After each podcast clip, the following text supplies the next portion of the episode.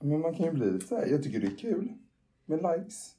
Ja, eller hur? Så jag hoppas att alla våra lyssnare går in och, och följer och likar så att Jakob känner sig Sedd och hörd. Ja. Vi ska säga till alla våra lyssnare att Nej, de nej, ska nej. gå in och likea Jakobs inlägg så att han känner sig lite mer älskad. Nej, men jag känner mig älskad av rätt, av rätt, av rätt personer. Just det, det, det, ja, det är det som är det viktiga, att det är rätt personer. Ja, exakt. Ja. Nej, men det, jag tycker alltid är kul när man blir påmind om att vi har lyssnare. Tycker jag. Ja, det kan det inte glömmer jag ju ofta bort. Jag tänker att det här är ju bara att jag träffar mina kompisar och snackar lite. Precis, och det är det jag tänker just i de här avsnitten, när jag har suttit och redigerat. Så har jag ibland, för ibland när jag sitter och pratar här känns det som att så här, nu måste jag komma på något nytt som inte ni vet om, om Mm. det här landet. Så inser Aha. jag att våra lyssnare, de vet ju inte exakt vem och när och var och hur saker liksom... Så att jag, jag, jag intalar mig det så här, jag måste inte komma på massa nya saker för att ni ska bli imponerade. Utan jag serverar fakta för våra lyssnare.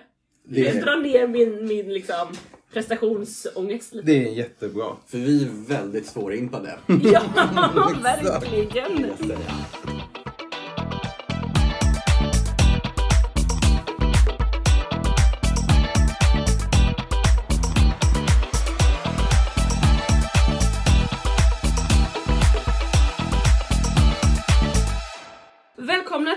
Eh, Fidos slager och vi är mitt uppe i våra inför Eurovision-poddar. Det här är del 3. Om ni inte har lyssnat på avsnitt 1 och 2 så gå in och gör det också så ni får liksom allting. Vi kör i bokstavsordning, går igenom land för land, bidrag för bidrag. Och eh, det är jag som är Fido. Det är jag som är Jakob. Och det är jag som är Johannes. Och i de här poddarna så tänker jag att vi gör det bästa av två världar hörni. Okej. Jaha, vilka världar då? Vi pratar Eurovision Ja. och vi stalkar folk. Sant! Ja, det är ja, precis. Det är... Alltså det, man går, söker hitta någons Facebook-sida eller man googlar på människor.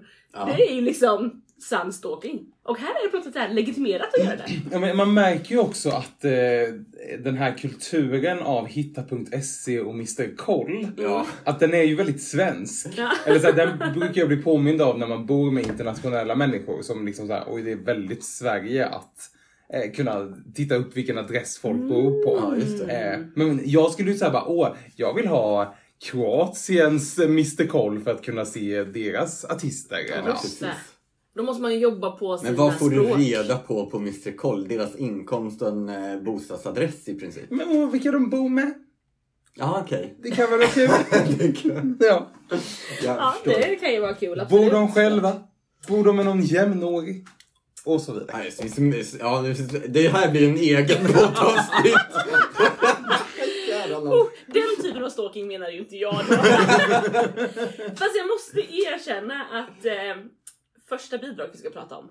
Jag blev ändå lite glad när jag läste att vi var jämngamla. Nej, men. Då kände jag ändå Att du har en chans. hoppet lever. Men sen kom jag inte mycket längre i själva stalkingen för det kan ju mycket väl vara så att jag ändå inte har någon chans. Det handlar inte bara om ålder. Men ska vi börja med första landet? Ja. Absolut. Italien hörni. Ja. Oh. Är ni jämngamla alltså? Ja, Jaha. Det trodde man kanske inte, eller? Jag Jag vet, vet inte. inte. Jag vet inte heller. Jag, för jag blev lite förvånad när jag såg det. Sen tänkte jag, men hur gammal tänkte jag att han skulle vara? Ja, ja. Innan vi kommer till guldkornet i det här avsnittet så kan jag berätta att Italien har varit med i Eurovision 50 gånger. Vunnit tre gånger. Och Italien är ju ett av Big Five-länderna. Så det är först i finalen som vi får höra allting i sin helhet och se allting live.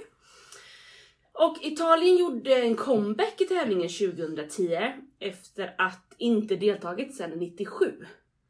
Så ni- från 98 upp till då 2009 var de inte med. Sen kom de tillbaka 2010.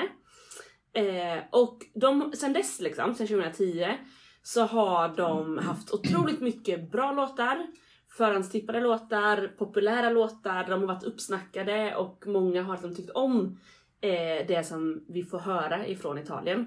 Men det är ganska ofta som det har fallit på paketeringen på scenen. Att det blir för mörkt, eller att det är för plottrigt, eller att det inte händer någonting alls, det är lite för tråkigt. Sådär. Eh, men eh, däremot så har de ju fått ganska bra resultat under de här åren ändå. Eh, och sen så gick de ju och vann då med eh, Måneskin. Måneskin, ja precis. Stämmer. Eh, de har aldrig skickat en låt på enbart engelska. Men däremot så har de ganska Aldrig ofta- någonsin alltså? Aldrig någonsin. Hmm. Utan det har varit väldigt mycket enbart italienska. Mm. Det har varit napolitanska en gång. Mhm. Och sen har det ganska ofta varit engelska och italienska. Ja, okej. Mm. Eh, det gör de ju, har de gjort återkommande. Att man liksom blandar språk. Nog om det. Låt oss tala om huvudpersonen. Okej.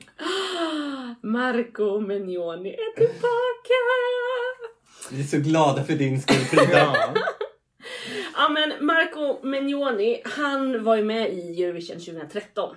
Tävlade i Malmö med låten L'Essenziale.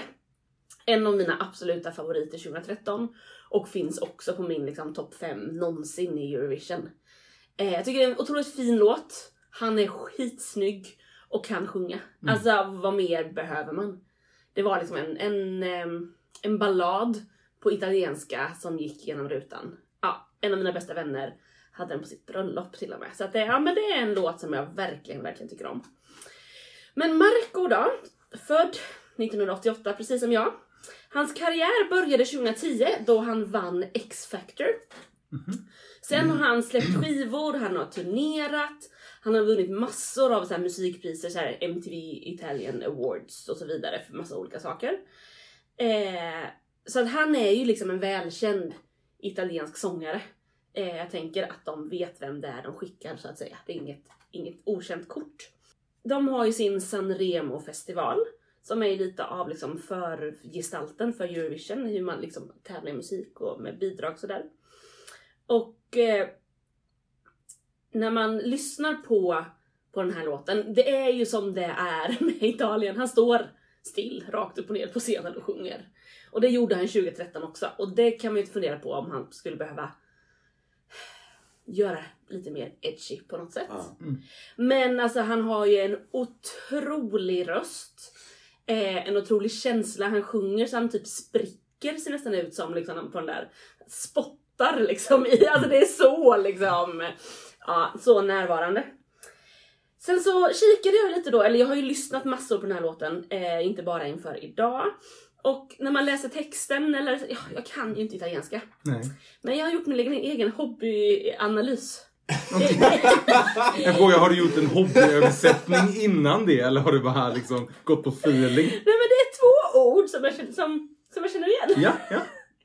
Nej, jag känner igen några fler ord. Men det är två ord. Amore. Ja. och La Musica och något mer sånt. Metallica sjunger någon också. Oj. Det kan man ju fråga sig var- varför han blandar in Metallica i det här. ja. Men det han sjunger är också Menomale. Och så på ett ställe låter det som att han sjunger Calzone.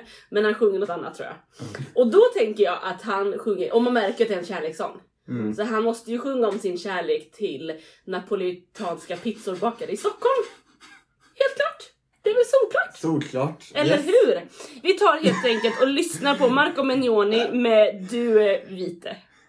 Känns inte som att du har ätit på Menomalen någon gång. Nej, det, nej ja, okej, den flög mig över huvudet. Yes. Nej, det är absolut, det missar jag. Siamo i soli svegli in tutto l'universo.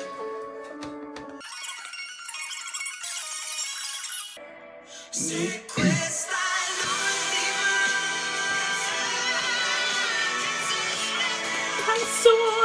Han hade ingen flik på Wikipedia om privatliv i alla fall. Så det, du talar för din fördel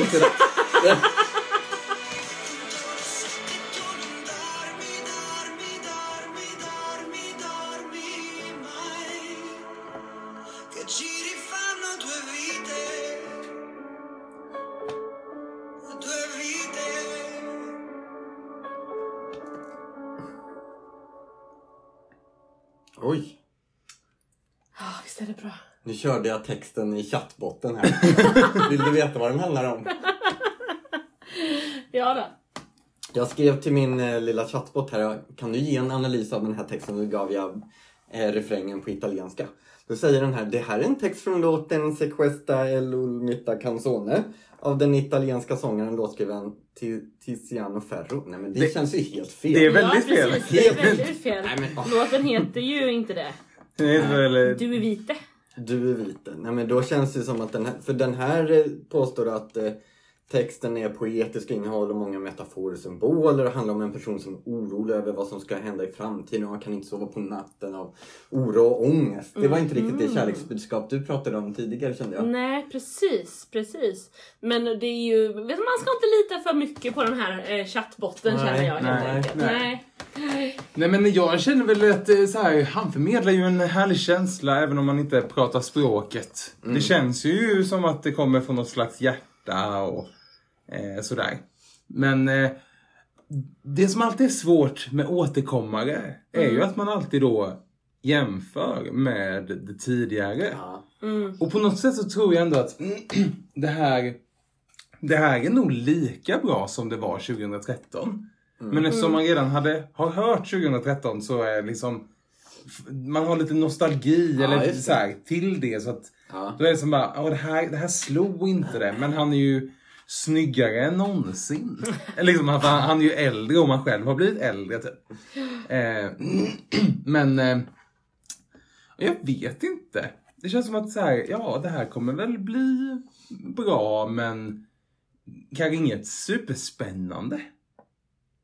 Nej, och vad menar han här? Nu, nu har texten på engelska framför mig. Mm. We're a book on the floor in an empty house which looks like ours.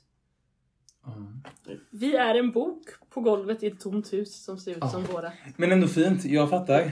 Du fattar! Du fattar! Vad bra du sa vi en i alla fall. Nej, jag, jag tänker att det betyder ju att okej, vi är en bok. Alltså vi är En historia. Vi har en historia, vi har liksom skapat någonting tillsammans. Mm. Men just nu finns den här boken i ett helt tomt hus. Någonting är slut. Alltså vår historia kommer fortfarande Men finnas huset kvar. ser ju ut som vårt. Ja men det menar han med, och det där ser ut att vara vårt hus. Att det är liksom, det här är vad vårt liv har blivit. Att vi är bara en historia i någonting som egentligen bara är tomt. Och Mm. liksom, Ja men det handlar ju nog mer om en, eh, precis ett break-up typ. Ja. If this is the last song and then the moon will explode I'll be there to tell you, you you're wrong. You're wrong and you know it. sassy. Eh, Ja. ja, nej jag älskar det här. Men hur gick det för honom då 2013? Med... Eh, oh, alltså jag tror att de kom typ sjua eller något sånt. Han kommer Alltså, Någon, slags topp 10. Ja. Ja, det där var ju, sköt jag från höften men... eh, Jag tycker, jag tycker att en topp 10 låter eh, så, eh, lite rimligt. ja. Men jag tänker att det är också svårt. Nu har man ju, jag har ju bara sett honom då i Sanremo. Och i år hade han ju på sig någon slags eh, skinnjacka av något slag. Och jag tänker att när han var med 2013 då hade han en snygg, snygg kostym som jag vill säga var tealfärgad. Men jag vet att vi har haft Tealfärg? ja, lite turkosaktig. Ja men teal vet jag inte vad det är för färg. Är inte det turkos? Aldrig hört talas om. Ah, Okej, jag vet att vi har haft diskussioner om den här färgen. Ja men jag har ju gett mig. Okej, bra. då så, då vann jag. Nej, men, och jag tänker, har man den outfiten, då är det lite lättare att bara stå och sjunga snyggt. Mm. Men när man tar på sig någon slags läderpaj och liksom ser rockigare ut, Ja. då, då iklär man sig en annan roll som kräver någon annan slags eh, situation eller nummer. ja, just Så jag det. tänker att eh, antingen får han gå tillbaka till någon kostym så att han kan stå där Mm. väldigt avslappnad eller så måste något hända. Och, Mm. Men sen vad kan hända till den här typen av musik? Nej, precis. Nej men precis. Vad sa jag för placering hörni? Du sa sju. sju. Ja, han kom sjua. Titta. Men, eh, nej men absolut, men jag tänker med någon typ av mer ba- jobba med LED-skärm om man har möjlighet till det. Eh, med lite... Jag tror nog mer ljus. Fire, eller ja men li- precis. Så här, Det finns ju ljuspelare som att- rör sig liksom. Ja men det var det jag ville komma fram till var så här, det finns saker att jobba på till en sån här låt. Mm. Även om det kanske inte är det kommer inte vara någon snurrande vägg som man hänger på och det Nej, kommer nej. inte liksom så. Eh, utan han, kom, han kommer nog stå där ganska mycket rätt upp och ner men man kan ju jobba med det man har runt omkring sig. Ja. Ehm. Men För jag tänker också, är det någon låt där man kan stå lite rakt upp och ner som sagt så är det ju den här typen av låt. Absolut, absolut. Ja, Ja, åh jag ser så mycket fram emot det här. ja det, det. Men jag tänker nog att det där, det där kan ändå bli något som är ganska avskalat. Mm. Men när vi går vidare till nästa låt, då kommer det bli allt annat än Mm. avskalat. Vi är... Mera, mera, mera! Det blir, jag skulle säga, tänk dig typ mera, mera, mera fast vi lägger in det i någon slags 70-tal och eh, strösslar med att eh, musik är politik. Då kommer vi till Kroatien och bandet Let 3, eh, eller Let 3, Let 3, eh, som är ett band består, eh, bestående av Soran Prodanovic, Damir Martinov, Martinovic, Ivan Bojcic och eh, oj, det är ännu fler. Dražen Bail, Baljak och Matjej Zet. Eh, Zet. Oh. Ja, de skickar i alla fall, eh, eh, kommer tävla med låten Mamma Tju. Det här bandet är då fem medlemmar just nu. Eh, och tidigare, så här, man kan se på Wikipedia vilka, så här, vilka är med i bandet nu och hur, vilka var med tidigare. De har 14 tidigare medlemmar. Oj! Det här är ett band som har roterats, men från Lite som Dolly Style. det här är verkligen Kroatiens Dolly Style kan vi nog absolut kalla det. Nej men eh, de, eh, men frontpersonen och han som är sångare eller huvudsångaren, det är samma som från början. Bandet har funnits sedan 1987 och är ett populärt eh, punkband i hela forna Jugoslavien. Eh, deras låtar är alltid provocerande, eh, ofta ganska vulgära texter. Och eh, bandet är också så här kända för att ha chockerande liveframträdande, gärna mycket naket. Oj. Eh, så det kommer väl inte se så mycket av i Eurovision, det är ändå en slags familjeshow. Synd. Ja, jag vet. Eh, jag fattar att du är sugen på de här 65-åriga männens nakenhet. Men Eh, det brukar väl ändå kunna vara ganska mycket naket i Eurovision ändå. Jo, men jag, eh, som jag har fattat det här så är nakenheten här är ganska mycket hängande penis. Ah, okej. Inte visa hu- hud på låren. Nej, okej. Eh, jag har inte skrivit upp det här men de hade eh, under sin sitt bandkarriär så har de gjort väldigt mycket olika typer av performance och sådär. Ett performance var att de lät gjuta en betongstaty av en eh, liksom slavisk kvinna, en babushka liksom med hyckle sådär med en eh, sån här eh, hästskomustasch. Som liksom, eh, och en eh, e- en meter lång eh, penis, erigerad penis, som de åkte runt med och turnerade i hela Jugoslavien. Det här är vad de håller på med, kan man säga. Eh, Okej. den här låten som de eh, skickar i år, eh, Mamma Tju, har jättemycket politiska undertoner eh, i hela låten. Bland annat så pratar de om det här ljudet, tju, tju. Det är ett av de första ljuden i något form av mänskligt eh, alfabet. Det är liksom ett tydligt fonem som man kallar det. Eh, att det är ett ljud som alla människor kan göra. Det kan ha varit väldigt kommunikativt. Tju, tju, tju. Kunnat säga någonting. Det kan ha varit liksom eh, både kopplat till ett ljud från liksom meditation till att prata med folk, att få orgasm. Det är liksom ett väldigt liksom, grundläggande ljud i mänskligheten. Eh, och det här, de här pratar om att det här ljudet, varför det finns med i låten är för att de menar att efter en stor Armageddon, att hela jorden skulle förgöras. För att jorden ska kunna återbyggas så måste det komma ett rymdskepp med det här ljudet. Tju! Liksom det här grundläggande. Ehm, en annan sak som är väldigt politisk är att de sjunger om en traktor i låten. Eh, och det är en referens till en traktor som eh, Belarus president eller diktator, eh, man får kalla det vad man vill, Lukasjenko gav till Putin i 70-årspresent. Så därför sjunger de om den här traktorn. De har också eh, sällskap på scen av en annan artist eh, som heter Janil Tatjak Jak. Eh, och han spelar en karaktär som heter eh, Ninle. Och han står liksom i någon slags Voldemort-dräkt med stora eldsprutande atomraketer på deras liveframträdande i Kroatiens eh, eh, uttagning. Och det här namnet, eh, Njinle, som står i hans panna, det är eh, ett ord från ett slags språk som kallas för Chatrovatski. Eh, och det är som, man kan säga ett kroatiskt rö- rövarspråk. Att i rövarspråket, hur vi lägger till ord mellan konsonanter. Så har de sitt, eh, i det serbokroatiska språket, eh, det här typen av rövarspråk där man byter plats på stavelser eh, i ord. så om vi har Ninjle, så om vi byter plats på de stavelserna så får vi Lenin, alltså Lenin. Så den här karaktären är Lenin. Eh, där har vi allt och det finns säkert många fler politiska eh, Ja, kopplingar. det. Men det här är absolut... Ganska så här raffinerat sätt att liksom göra Ja. politik av Precis. en eh, annan, annars. Men den här låten, den handlar eh, absolut om eh, krig och förgörelse. Mm. Och jag tycker att vi lyssnar.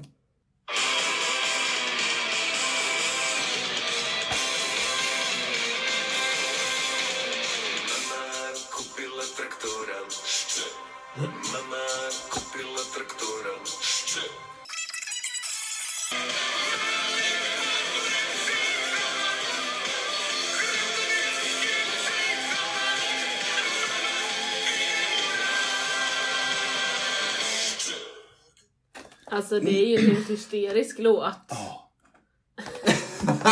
Visst är det? Men det Men jag sitter också och funderar på hur, man, hur mycket, på, alltså med den, den politik du berättade om Mm. innan, att det är så pass tydligt. Mm. Får den vara med? Ja, men man Ja. undrar ju nästan lite det.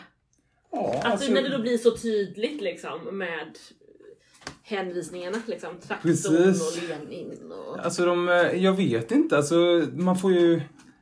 Här känns det som att de refererar ju bara massa saker, massa pusselbitar. För de Ja. sjunger ju inte att... De sjunger ju att mamma har köpt en traktor.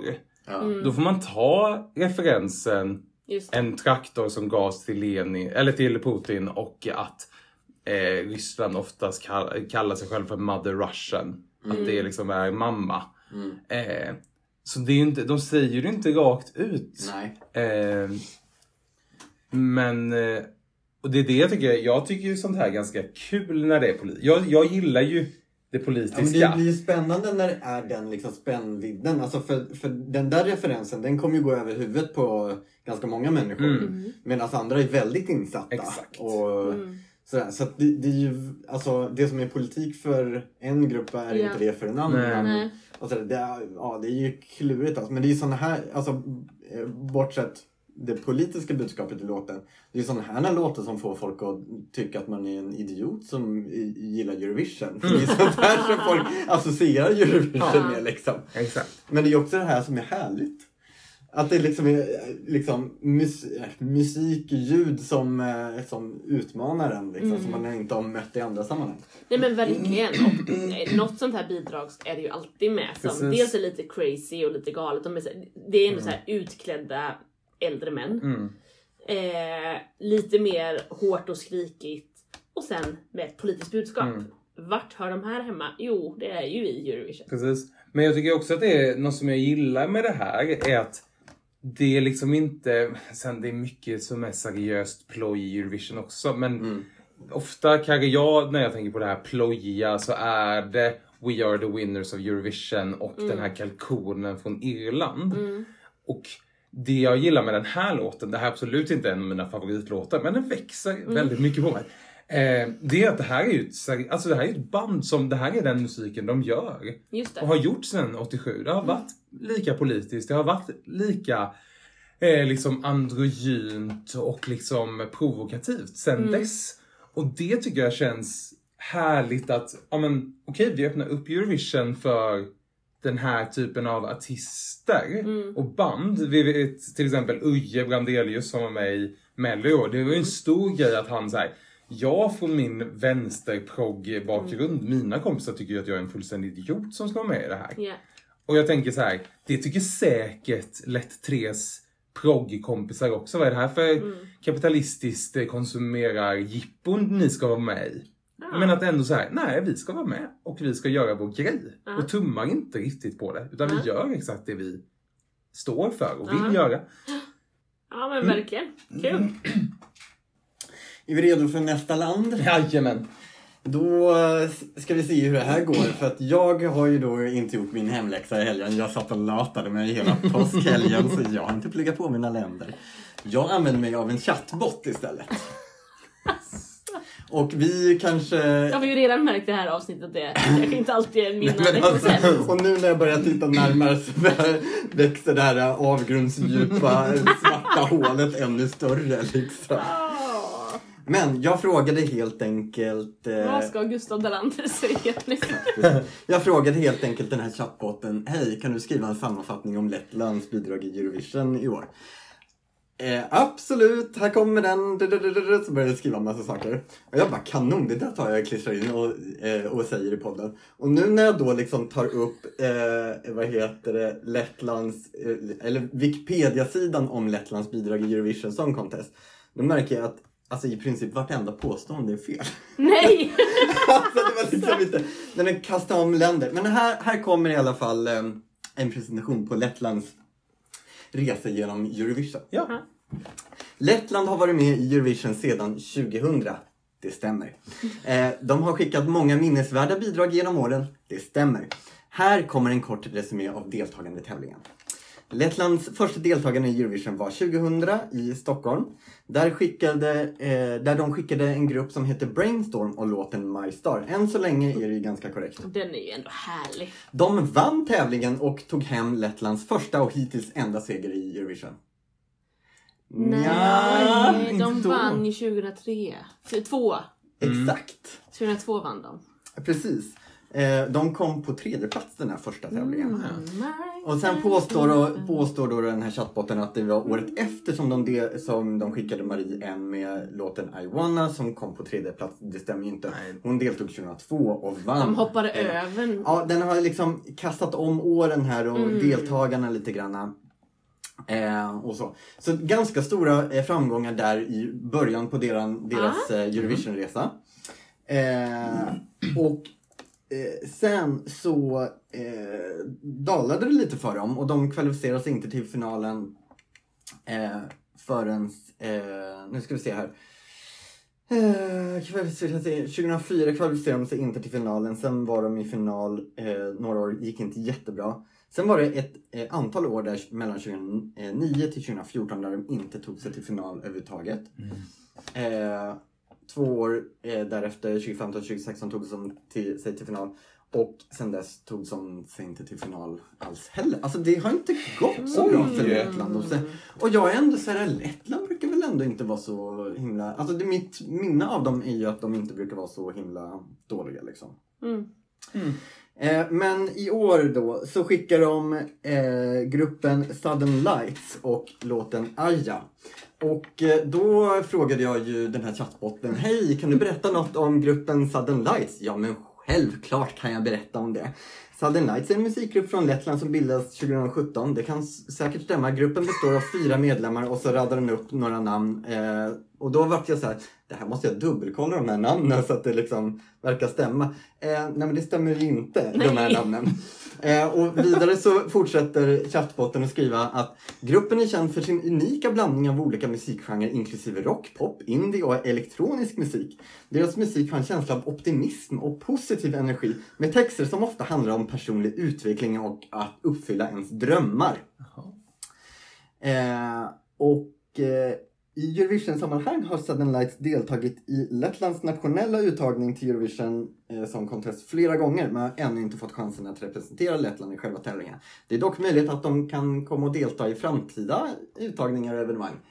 Och då blir jag så här, mm, det känns som att du inte är riktigt helt uppdaterad. De ska delta i Eurovision 2023, hallå! Så eh, jag ger er gruppen Sudden Lights och låten heter Aja.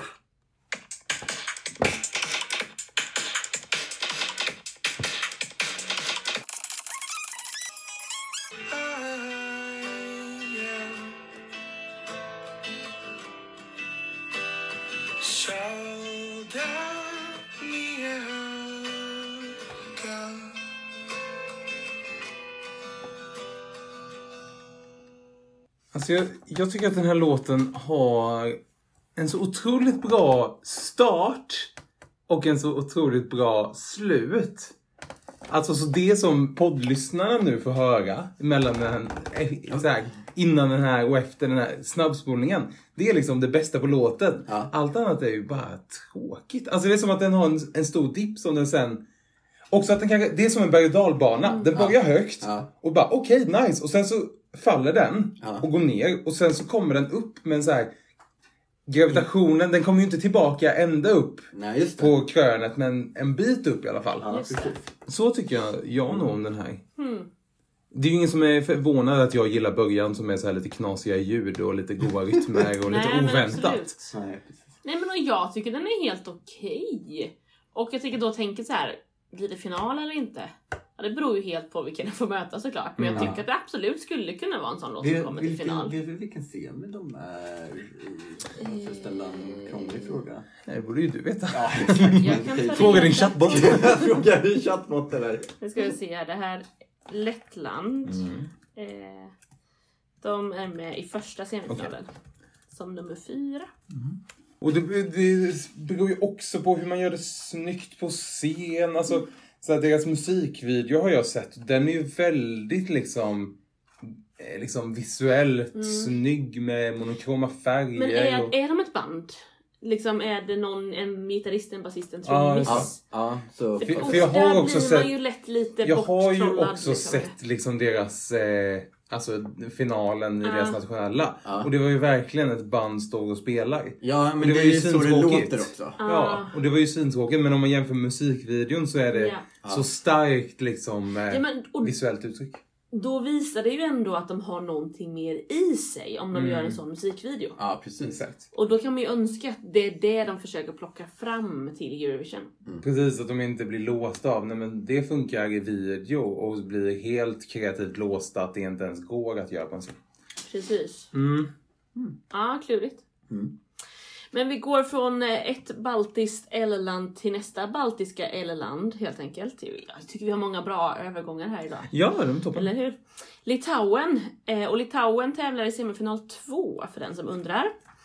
Och eh, Litauen, visste ni det? Att det var det första eh, Sovjetlandet landet som eh, utropade sin eh, självständighet. Jaha. 1990 i mars. Eh, och sen tog det fyra år till de var med i Eurovision. Också Estland och Litauen kom med i Eurovision 94 båda två. Och sen dröjde det då alltså hela vägen till 2000 innan Lettland kom. Mm. Det var, tyckte jag var intressant. Ja. Eh, Litauen eh, gick ut starkt med noll poäng första gången de var med och tävlade. Man kan ju bara bli bättre då. Eller hur? De har haft tre topp 10 placeringar. Och är det enda baltiska landet som inte vunnit någon gång då. Både Estland och Lettland har ju det. Eh, I Litauen så läste jag mig till här att de har den längsta nationella uttagningen för Eurovision Song Contest. Och så såg jag vad den heter och då tänkte jag, menar de lä- längsta i ord? Ah. bokstäver. Men nej, eh, men då undrar jag säkert vad är det den heter. Då ska vi ge, ge oss på den här litauiskan då.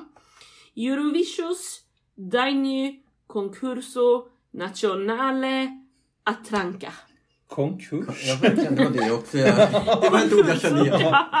det är alltså en, två, tre, fyra, det är fem ord Ja, ja. i liksom hela Men den håller på alltså från januari till mars.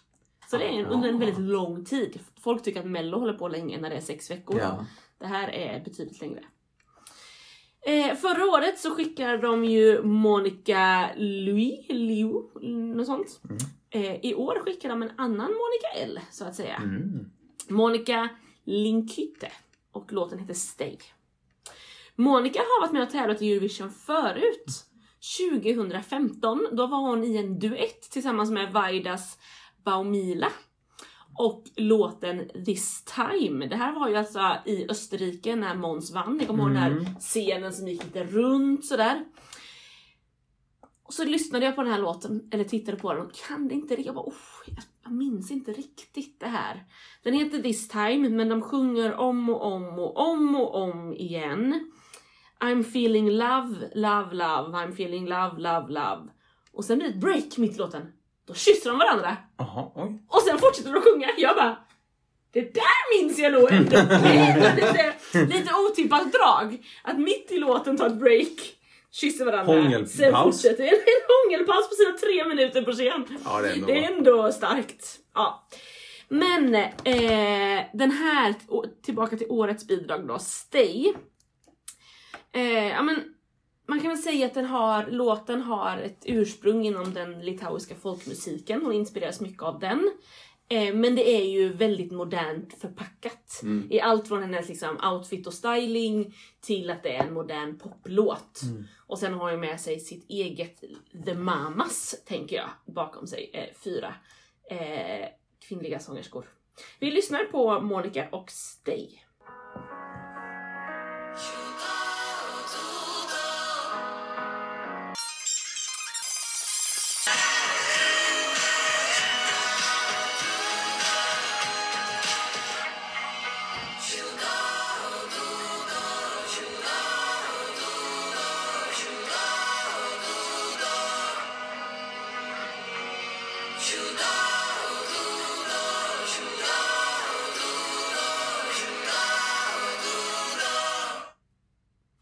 Och det här då, Shuto Toto, är en, eh, en magisk besvärjelse som ofta används i litauiska folkdanser. Mm. Så där lyser det liksom igenom att den är Ah. lite folk... För annars är det ju väldigt modernt förpackat. Mm. Alltså jag, jag, första gången jag hörde det här så kände jag, åh det här känns, det här gillar jag. Så hade jag någon lite så här, jag kunde inte riktigt sätta något finger på varför. För jag gillade det. Det var som att så här, det kändes som att jag var så bekant med det här. Att det kändes liksom som en trygg, en, en trygg nära person typ. Och sen nu när vi sitter och lyssnar är första gången jag inser att det här är för att det är väldigt mycket som lå- låter som en av mina favorit-australiensiska artister som heter Missy Higgins. Som var stor för, jag kollade upp nu, och det gör det bara att man känner sig extremt gammal. För jag lyssnade på henne för typ mellan 15 till 20 år sedan. Oj. Eh, och det var liksom då var den här musiken, vilket blir så här bara modern förpackad, 20 år gammal.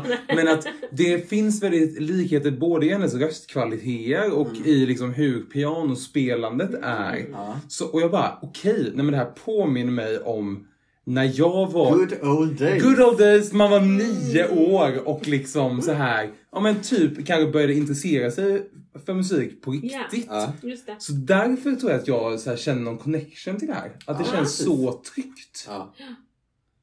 Men, och det, jag tänker det är ju också så viktigt att ha den connection. Alltså, det är ju det någonstans som gör att man eh, tar till sig en låt eller liksom eh, och vill ge den sin röst om man nu gör det. Vi vet ju inte riktigt vilka det är som röstar i Eurovision. Men, eh, men, det, men och sen, jag, jag gillar ju, och det, jag tänker, generellt så gillar jag ju de här låtarna som har de här gospelvibbarna. Ja. Eh, och det är väl det som... Jag vet, är det det som moderniserar det? Det borde ju inte vara det som... När vi Nej men säger jag att tänker att det känns väldigt liksom klassiskt modernt. Alltså det är inte, Ja, låter inte 2023 utan Nej. det låter ju mer att det är om man säger så här, åh det är lite folkinspirerat, då tänker det ska vara Timotej. Det är det ju inte. nej. Utan nej. det är ju det här med att hon använder det här uttrycket från liksom Mm. Ja. litauisk folkmusik och folkdans. Och, men sen är det ju otroligt... Ja, men jag tycker bara... Hennes...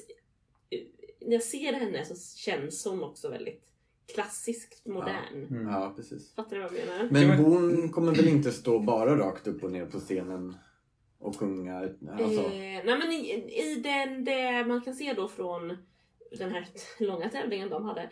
Så då står hon ju ganska så mycket men sen så har hon sina fyra danser runt sig. ja. Och så dans, de dansar ju lite till det här. är, och det, är det lite. Anna, Anna Bergendahl-igt kanske? På vilket sätt? Alltså stå centrerad och ha dansare runt sig. Nej, det- Nej, det är mycket- inga mycket- dansare, det är en nej. kör. Nej, min kör. Ah, ja, Det är kören som är runt. Ja, just det. Ja, Ehm, så det är ju lite med The Mamas och John Lundvik. ja okej. Ja. Men att det, jag tyckte att det också känns ganska intimt på något sätt. Ja, Låten är väl kanske lite mer intim. Ja. Eh, just det. Mm. Men jag, jag, något som jag tänker varför det känns modernt typ. Ja. Jag tror att det är för att även om det är något som jag känner igen från liksom, tidigare så är det, den, är inte, den är inte så eh, strösslad med den här eh, nostalgivurmen som är i popmusik. Nej. Att så här, man flörtar med 80-talet eller 70-talet och 90-talet. Alltså, här, det känns som att den, den här låten har alltid funnits och ska Ja, alltid finnas. Alltså, så här, Den har är lite tydliga ti- tidsmarkörer Ja, som man kan exakt, eller-. Lite moder- alltså jag tänker ändå lite typ så här Adele. Alltså Ja. så här klassisk Ja, just det. liksom. Hon är ju där ja. Mm. Eh, rösten är i fokus Mm. mycket, musiken är lite bakgrund. Ja, men det är lite Mm. rytm och ja. Ja, precis. Ehm, Ja. men det är inte, jag kan känna säga, jag är inte, giv, inte given finalist. För jag vet inte om det sticker ut så pass mycket. Och jag hoppas faktiskt det. Ja det gör jag med. Jag tycker den är så värd en finalplats. Ja. Ja, vi får väl se om det blir någon given finalplats för nästa, nästa eh, land. Nästa, nästa, nästa land. Alltså tar vi varandra nästa? Ja, jag börjar med. Nästa. Nej, vi stannar vid mig eh, för en liten stund. Vi ska prata om Malta, denna lilla önation i Medelhavet. Eh, och vi ska prata om bandet The Busker som består av David Melak, Jean-Paul Borg och Jean Mechen. Alltså efternamnet Borg är ju Maltas Svensson. Eller Andersson. Alla heter ju Borg. Det skulle vara väldigt intressant att se hur det hamnade där. Hur blev det så? Ja, hur blev det så? Jag tänkte att vi pratar om hur det här bandet grundades, eller startades. De började 2012 eh, av just Jean-Paul Borg som spelar trummor i bandet. Och tillsammans med en sångare slash gitarrist som heter Dario Genovese. Eh, ganska snart där inpå så anslöt sig eh, eh, saxofonisten Jean Mechen eh, och en basist-keyboardist David Grech. Ni hör här att nu när de här fyra personerna har kommit, den här David Meilak, han har inte nämnts än. Han får vi hålla på ett litet tag. Det här bandet, de körde, höll på. Eh, men någon gång så hoppade Dario och David av. Och det enda jag kunnat hitta är att Dario hoppade av 2021. Så jag antar att David hoppade av någon gång där. Eh, men det jag också kan hitta är att eh, om jag då har stalkat på rätt sätt så har jag hittat att Dario, han verkar vara gift och ha barn nu. Så eh, om jag har liksom hittat rätt eh, maltes i mina stalkningar, då verkar det ju inte gå någon nöd på honom. eh, och eh, David, han verkar vara DJ och ganska nyligen har haft ett möte med Europaparlamentets talman Roberta Metz- Metsola. Så det verkar inte gå någon nöd på honom heller. Nej. Det verkar eh, ha. Höjden av eh, success. Ja men lite tycker jag. DJ och träffa Europaparlamentets eh, ordförande. Ja, exakt. Det är underbart. Eh, den här nya då, David, han eh, har kommit in nu senare och han kallas då lite för Dave Junior eftersom han är David Just nummer det. två i Ja, bandet. nej, det är tråkigt. Ja, jag vet. Men han kom med för tre år sedan. Yes. Strax efter att han hade varit med i X-Factor på Malta eh, 2019. Så han har liksom, han syntes där och så plockades han upp där.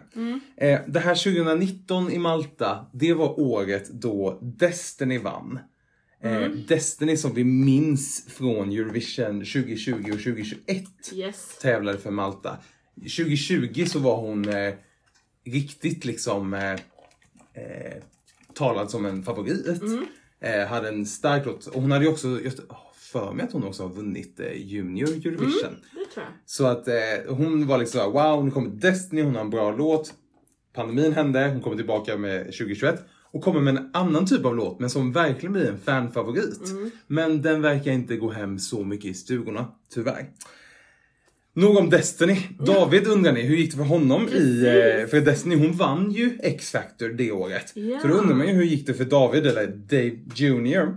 Eh, han åkte tyvärr ut redan andra veckan i finalveckorna. Eh, men då har han ju kunnat gå med i The Busker istället. Eh, och jag tänker att vi bara hoppar in och lyssnar på deras ja, partydänga. Såklart ska ha en saxofon! Ja. Do you wanna dance?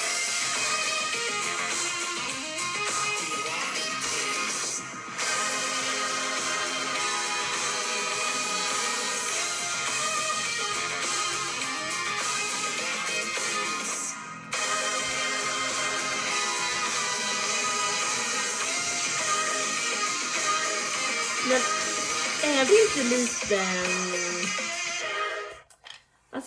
på typ Tjeckien för några år sedan de här. Friend of a friend Mik- och. Niklas Jag, jag skulle säga att det är som liksom en, en kombination av Lake Malawi och Nicolas Josef. Ja precis, att det är det här lite med blås, det är tydlig partydänga, det är, Pojkigt. det är ja, unga killar liksom. Eh, Och så när jag tänker med saxofonen lite Sunstroke Project verkligen. vibbar i. Eurovision-sammanhang liksom. ja. Jag tänkte säga det, jag har ju spelat saxofon eh, stora delar av mina liv. Nej. Mi, mina liv. Jag har levt så många av mitt liv. ja. Eh, då och... Nej, men då, kan, kan, kan du riva av det här? Alltså? Det där skulle jag absolut kunna gräva av. Ja, det var roligt att den här reaktionen blev, för jag tänkte precis säga att när jag då spelade som mest eh, och typ Sunstroke Project var, det var ju den enda saken som folk ville höra på saxofon. Och jag tänkte säga att hade jag varit i den åldern nu, då hade väl alla mina kompisar velat att jag skulle spela den här slingan. Just det. Eh, och det var ju väldigt hårt mot någon som var lite mer klassisk saxofonist. att behöva liksom spela det här. Just det. Men däremot så tänkte jag också att så här, det, här var, det här låter lite som the anthem av mina eh, gymnasieår. Att så här, äh, orkar inte festa. Jag sitter, sitter hellre hemma i min, i min jumper och har lite mysigt. Ja, men den är ju härlig Mm, och det är ju inte vad man kanske förväntar sig från Malta tycker jag. Nej. Det är roligt. Nej, precis. Eh, men det är också mycket spännande att se vad det blir på scen. Men det kommer bli en sån här klassisk saxofondans och någon trumpetare som står där bredvid. Jag tänker mycket färger. Färger, ja. Glatt och hopp och studs och... De hade, de hade i eh, sin nationella uttagning så hade de, i början hade de såna här eh, skala 1 till 1 eh, kartonggubbar Mm. av eh, de tre senaste som representerat Malta. Ah, som stod där i liksom- någon eh, party... Eh, Oj vad roligt. Vad kul att party de sådär. leker ändå med... Ja, exakt. Och, och alla de hade ju på sig fula. Eh, jumprar eller liksom Oj sweaters. roligt. Eh, tills något av de här biten där de drog av dem under de hade de paljettjumprar. Men, så här, alltså, de jag känns- älskar dem mer och ja, men de, känns, de känns lekfulla. Ja. Eh, och jag kan, jag kan verkligen se att folk Antingen så tycker man nog, gud vad charmigt. Mm. Eller så tänker man, men gud vad töntigt, vilka tro, tror de att de är Sunstrike Project? Ja. Alltså så här, att det är de, de två olika lägren som kommer bildas kring det här. Ja just Och det. då är ju vi så att vi gärna förespråkar att välja glädjen. Alltid. Absolut, absolut. Oj, jag vill också ha en sån där paljettjumper känner jag. Ja, ja, det finns Det kanske dags att, ja, precis, det kanske är dags att införskaffa det inför Eurovision. Apropå Sunstroke Project tänker jag att vi går till Moldavien som är nästa land. Alltså, Ja, övergångarna! Ja, övergångarna! Eh, och då gick jag till min kära vän chattbotten. Nu har jag faktiskt dubbelkollat lite fakta så att det här borde stämma. Alltså vi är ju ingen faktapodd. Men här i alla fall. behöver inte heller dra det till sin spets. Att I, de, I de här avsnitten är det ändå lite mer fakta än vad det är i våra melloavsnitt. Ja, precis. Exakt. Ja, vi går på feeling. Och eh, eh, så här har det gått för Moldavien tidigare i Eurovision. Eh, de började sin Eurovision-resa eh, 2005 och har skickat in bidrag vartenda år sedan dess. Förutom 2020 när tävlingen ställdes in på grund av covid-19-pandemin. Eh, Moldavien har eh, haft några framgångar i tävlingen genom åren. Deras bästa placering hittills var 2017 när eh, nämnda Sunstroke Project kom på en tredje plats i finalen med låten Hey Mamma. Eh, och de var ju även med och tävlade 2010 va? I, I Oslo med den här eh, saxofonslingan som vi alla känner igen. Eh, och de har eh, också hamnat i topp 10 vid fyra andra tillfällen. 2005, 2007, 2018, eh, 2022. Eh, men eh, men det har varit lite svajigt. Alltså, de har haft en blandad resa kan man säga med både framgångar och mindre lyckade resultat. Eh, men årets artist, eh, Pasha Parfeni, han deltog även 2012 i Eurovision och kom då på en elfte plats i finalen. Ehm, så, eh, men och då när jag skulle fråga den här chattbotten då, eh, då eh, jag hade ju ingen koll uppenbarligen så jag skrev ju till chattbotten Hej hej, eh, Pasha Parfeni är en grupp från eh, Moldavien, vad vet du om den här gruppen? Ja, Varpå botten svarar mig, Pasha Parfeni är faktiskt inte alls någon grupp. Det är en soloartist från Moldavien. Han föddes den 30 maj 1986 i Orhei i Moldavien. Nämen. Eh, och eh, Pasha, han har faktiskt varit med i Sunstroke Project-gruppen 2009. Och då tävlade de i den nationella eh, uttagningen. Eh, och eh, gruppen slutade på en tredje plats. Så de kom ju aldrig vidare till Eurovision. Men året efter så eh, var ju gruppen där. Men inte Pasha, för han slutade i Sunstroke Project då. Eh, han är en välkänd sångare, låtskrivare och musiker i Moldavien. Har deltagit i en rad musiktävlingar. Både i Moldavien och utomlands. Eh, han representerade som sagt eh, Moldavien då eh, 2012 i Baku. Och han, eh, nu får, eh, det står här att han är känd för sin förmåga att blanda olika musikstilar i sin musik. Både traditionell moldavisk folkmusik men även pop och rock. Eh, han släppt flera album och singlar och hans musik har blivit populär både inom i Moldavien och i andra länder. Han har även varit mentor i den moldaviska The Voice. Mm. Och utöver sin musikkarriär så är han också engagerad i, i olika sociala projekt och arbetat för att främja miljömedvetenhet och hållbarhet. Mhm. Ja, Ja. se där. Så här eh, eh, ger jag er eh, eh, Pasha Parfeni. Och visst är det Su- Suaral Siluna? ja. Det stämmer. Ah, kanonuttal, eller hur? Mycket bra tror jag.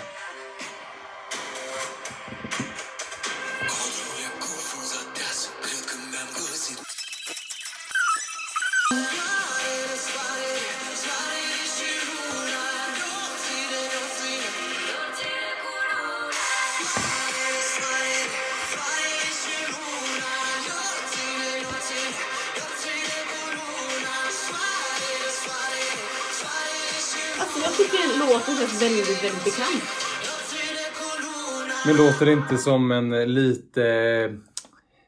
Inte en lika hård vari- variant av Goa? Att det är liksom... Flöjt, jag tänkte Ja. på flöjten och det här. Absolut! Den, den, den påminner om Goa. Ja. Jag tror att det är det.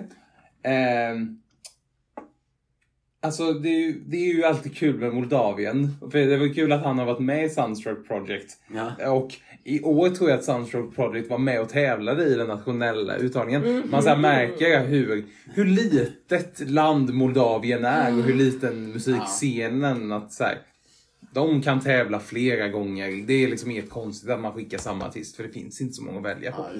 Ja, men jag tycker det här är ganska härligt. Det är ju etno, det är liksom elektroniskt men det är som att den inte... Den ligger ganska på samma liksom... Det känns bekvämt kanske. på Ja, kanske. Som tenderar till tråkigt. Ja men för att, för att det är liksom, det händer ingenting. Eller det har samma energi genom hela låten typ. Eh, och nu, nu är det du som har efterforskat det här, men jag hörde, jag hörde en liten snabb kommentar om vad den här låten handlar om. Men källan är liksom en brittisk YouTube-kanal. Ja. Där de skulle prata om eh, om Moldavien och Rumänien någon gång i framtiden kommer gå ihop till ett land. För då sa de att den här låten handlar om det. Aha. Att låten handlar om Moldavien och Rumänien som ett land. Och jag, jag har ju fattat det som att låten handlar om ett äktenskap, att gifta sig. Ja. Att liksom, jag kommer ge dig min ring och sådär.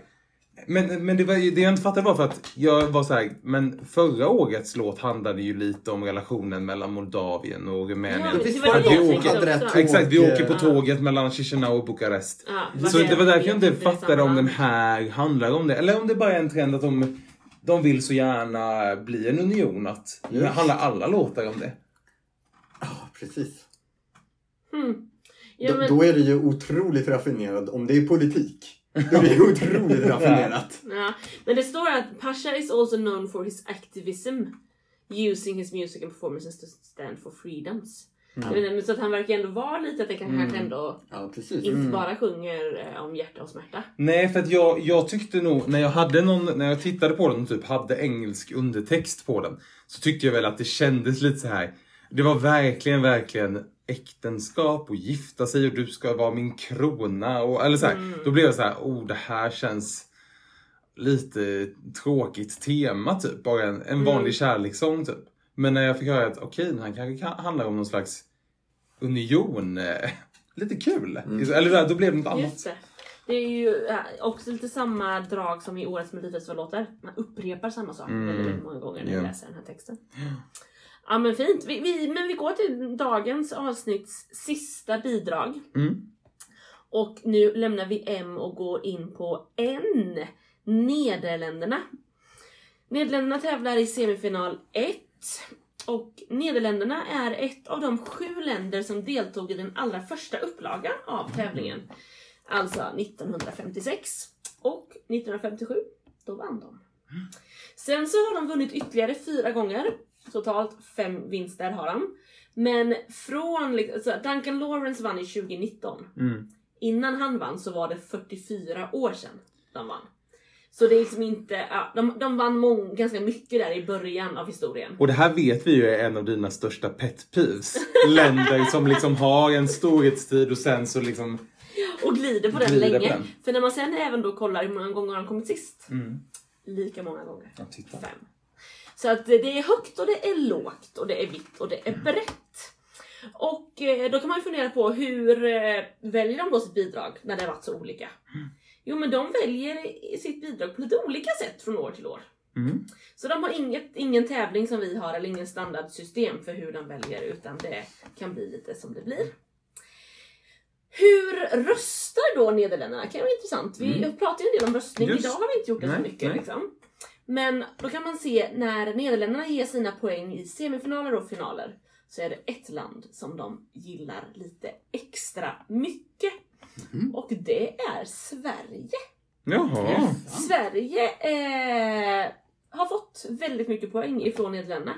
Tyvärr har vi inte gett dem lika många poäng. Nej, det är såhär, Aj då, åh, aj då. ömsesidig kärlek. Men så, man kan som, som, alltså ett land kan ju bara vara bäst. Det är bara ett som kan vara ett land som kan vara bäst. Jo, jo. Och vi kan inte dela ut poäng till alla som älskar oss. Nej. Liksom. Nej, precis. Men ja, ja. Man får ju inte rösta på sig själv heller. Nej, precis.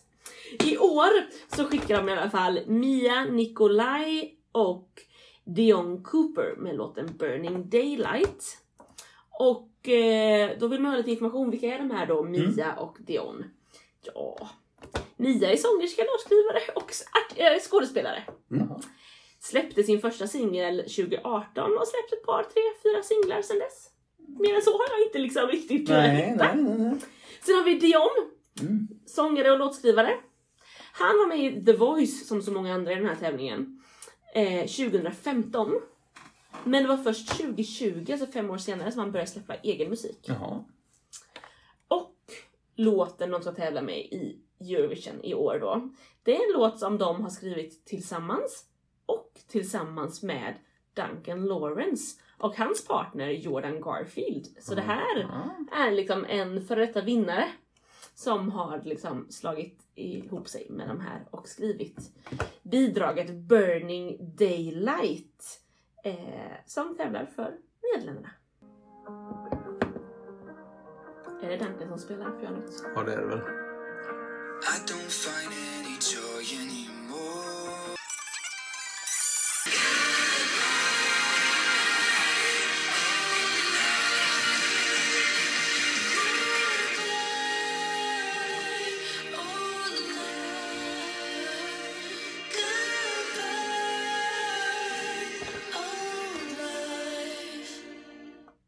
Alltså, på tal om att välja glädjen.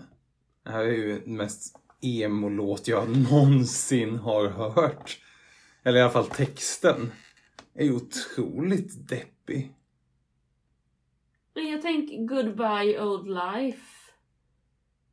Ja, det kanske är att de eh, faktiskt väljer glädjen där på slutet. Ja, jag tycker nog ändå att de väljer glädjen Ja, där. Kanske. Men jag tycker ju absolut att man hör att det är att Duncan Lawrence har varit med i skapandet. Mm. Och det är ju jättebra. Absolut. Det lyfter ju den här låten.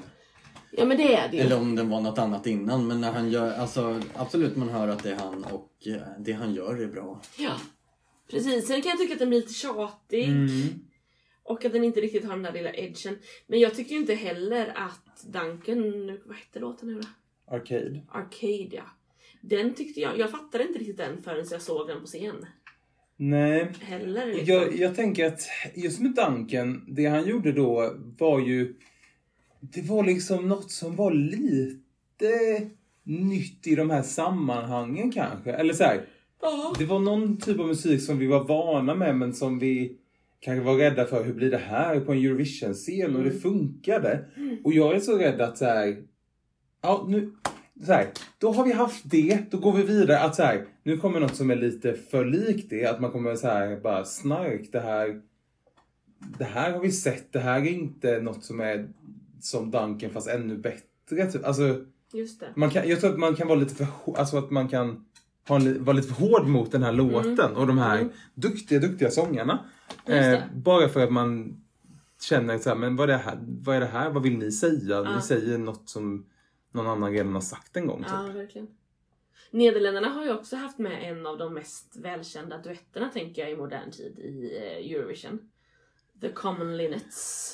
Just, Eh, Calm After the Storm som kom tvåa 2014. just det. Eh, de, den, det var ju en duett som gick igenom rutan Mm, liksom. mm. Det finns ju mängder med duetter som inte har gjort det. Eh, kanske att de bakar ihop nu då två viktiga ingredienser. Det är liksom en bra duett och Mm. Duncan Lawrence. Ja, men jag tycker också att det är kul med att det kommer lite duett. Det var länge sedan känns det som. Ja, Men har vi då eh, har vi flera vinnare för i som då tävlar i Eurovision i år? Alltså då har vi Duncan på plats och Loreen från Sverige. ja. I två gamla vinnare som kommer tillbaka. Alltså Mm. det älskar Eurovision-publiken. Alltså, Mm. Mm, eh, absolut. Vet ja. man ju inte om Duncan kommer vara på plats. Nej. Jo, men, Men, han ska eh, sitta där i green room och vara lite glad. Ja, kanske det. Det är inte omöjligt. Det är inte omöjligt. Nej, jag vet inte. Ja, men, nej, jag vet inte om vi har något mer. Mm. Ja, återstår att se. Återstår att se. Men det här var dagens eh, åtta bidrag. Vad, mm, vad har ni för favoriter? Oh, vad har vi för favoriter? Jag gillade nog Litauens låt. Mm. Faktiskt. Sju bidrag var det bara. Jag, Ja. jag skojar. Ja. Men det kanske fortfarande var Litauen ändå. Eh, jag tittar här på min eh, lilla fusklapp Litauen. Absolut. Ja, men, och jag, jag tycker ju också väldigt mycket om Litauen, men eftersom du säger den så eh, vill, slår jag nog ett slag för Kroatien som bara växer och växer för mig. De som var helt Ja. konstiga. Exakt. Ja. Har ni glömt bort att Italien var med i den här? Nej, jag har tyvärr inte det. Ja, Italien är helt klart min favorit.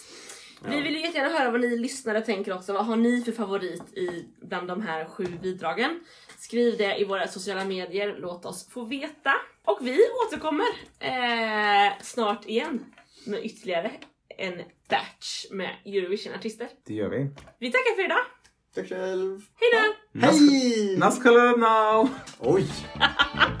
Vad betydde det?